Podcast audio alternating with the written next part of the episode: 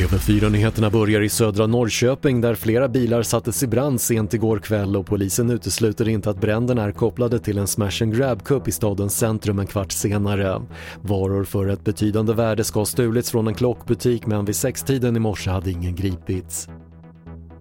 En läkare i Dalarna har anmälts till Inspektionen för vård och omsorg efter att bland annat ha skrivit ut narkotikaklassade läkemedel till en patient med känd beroendeproblematik, rapporterar SVT.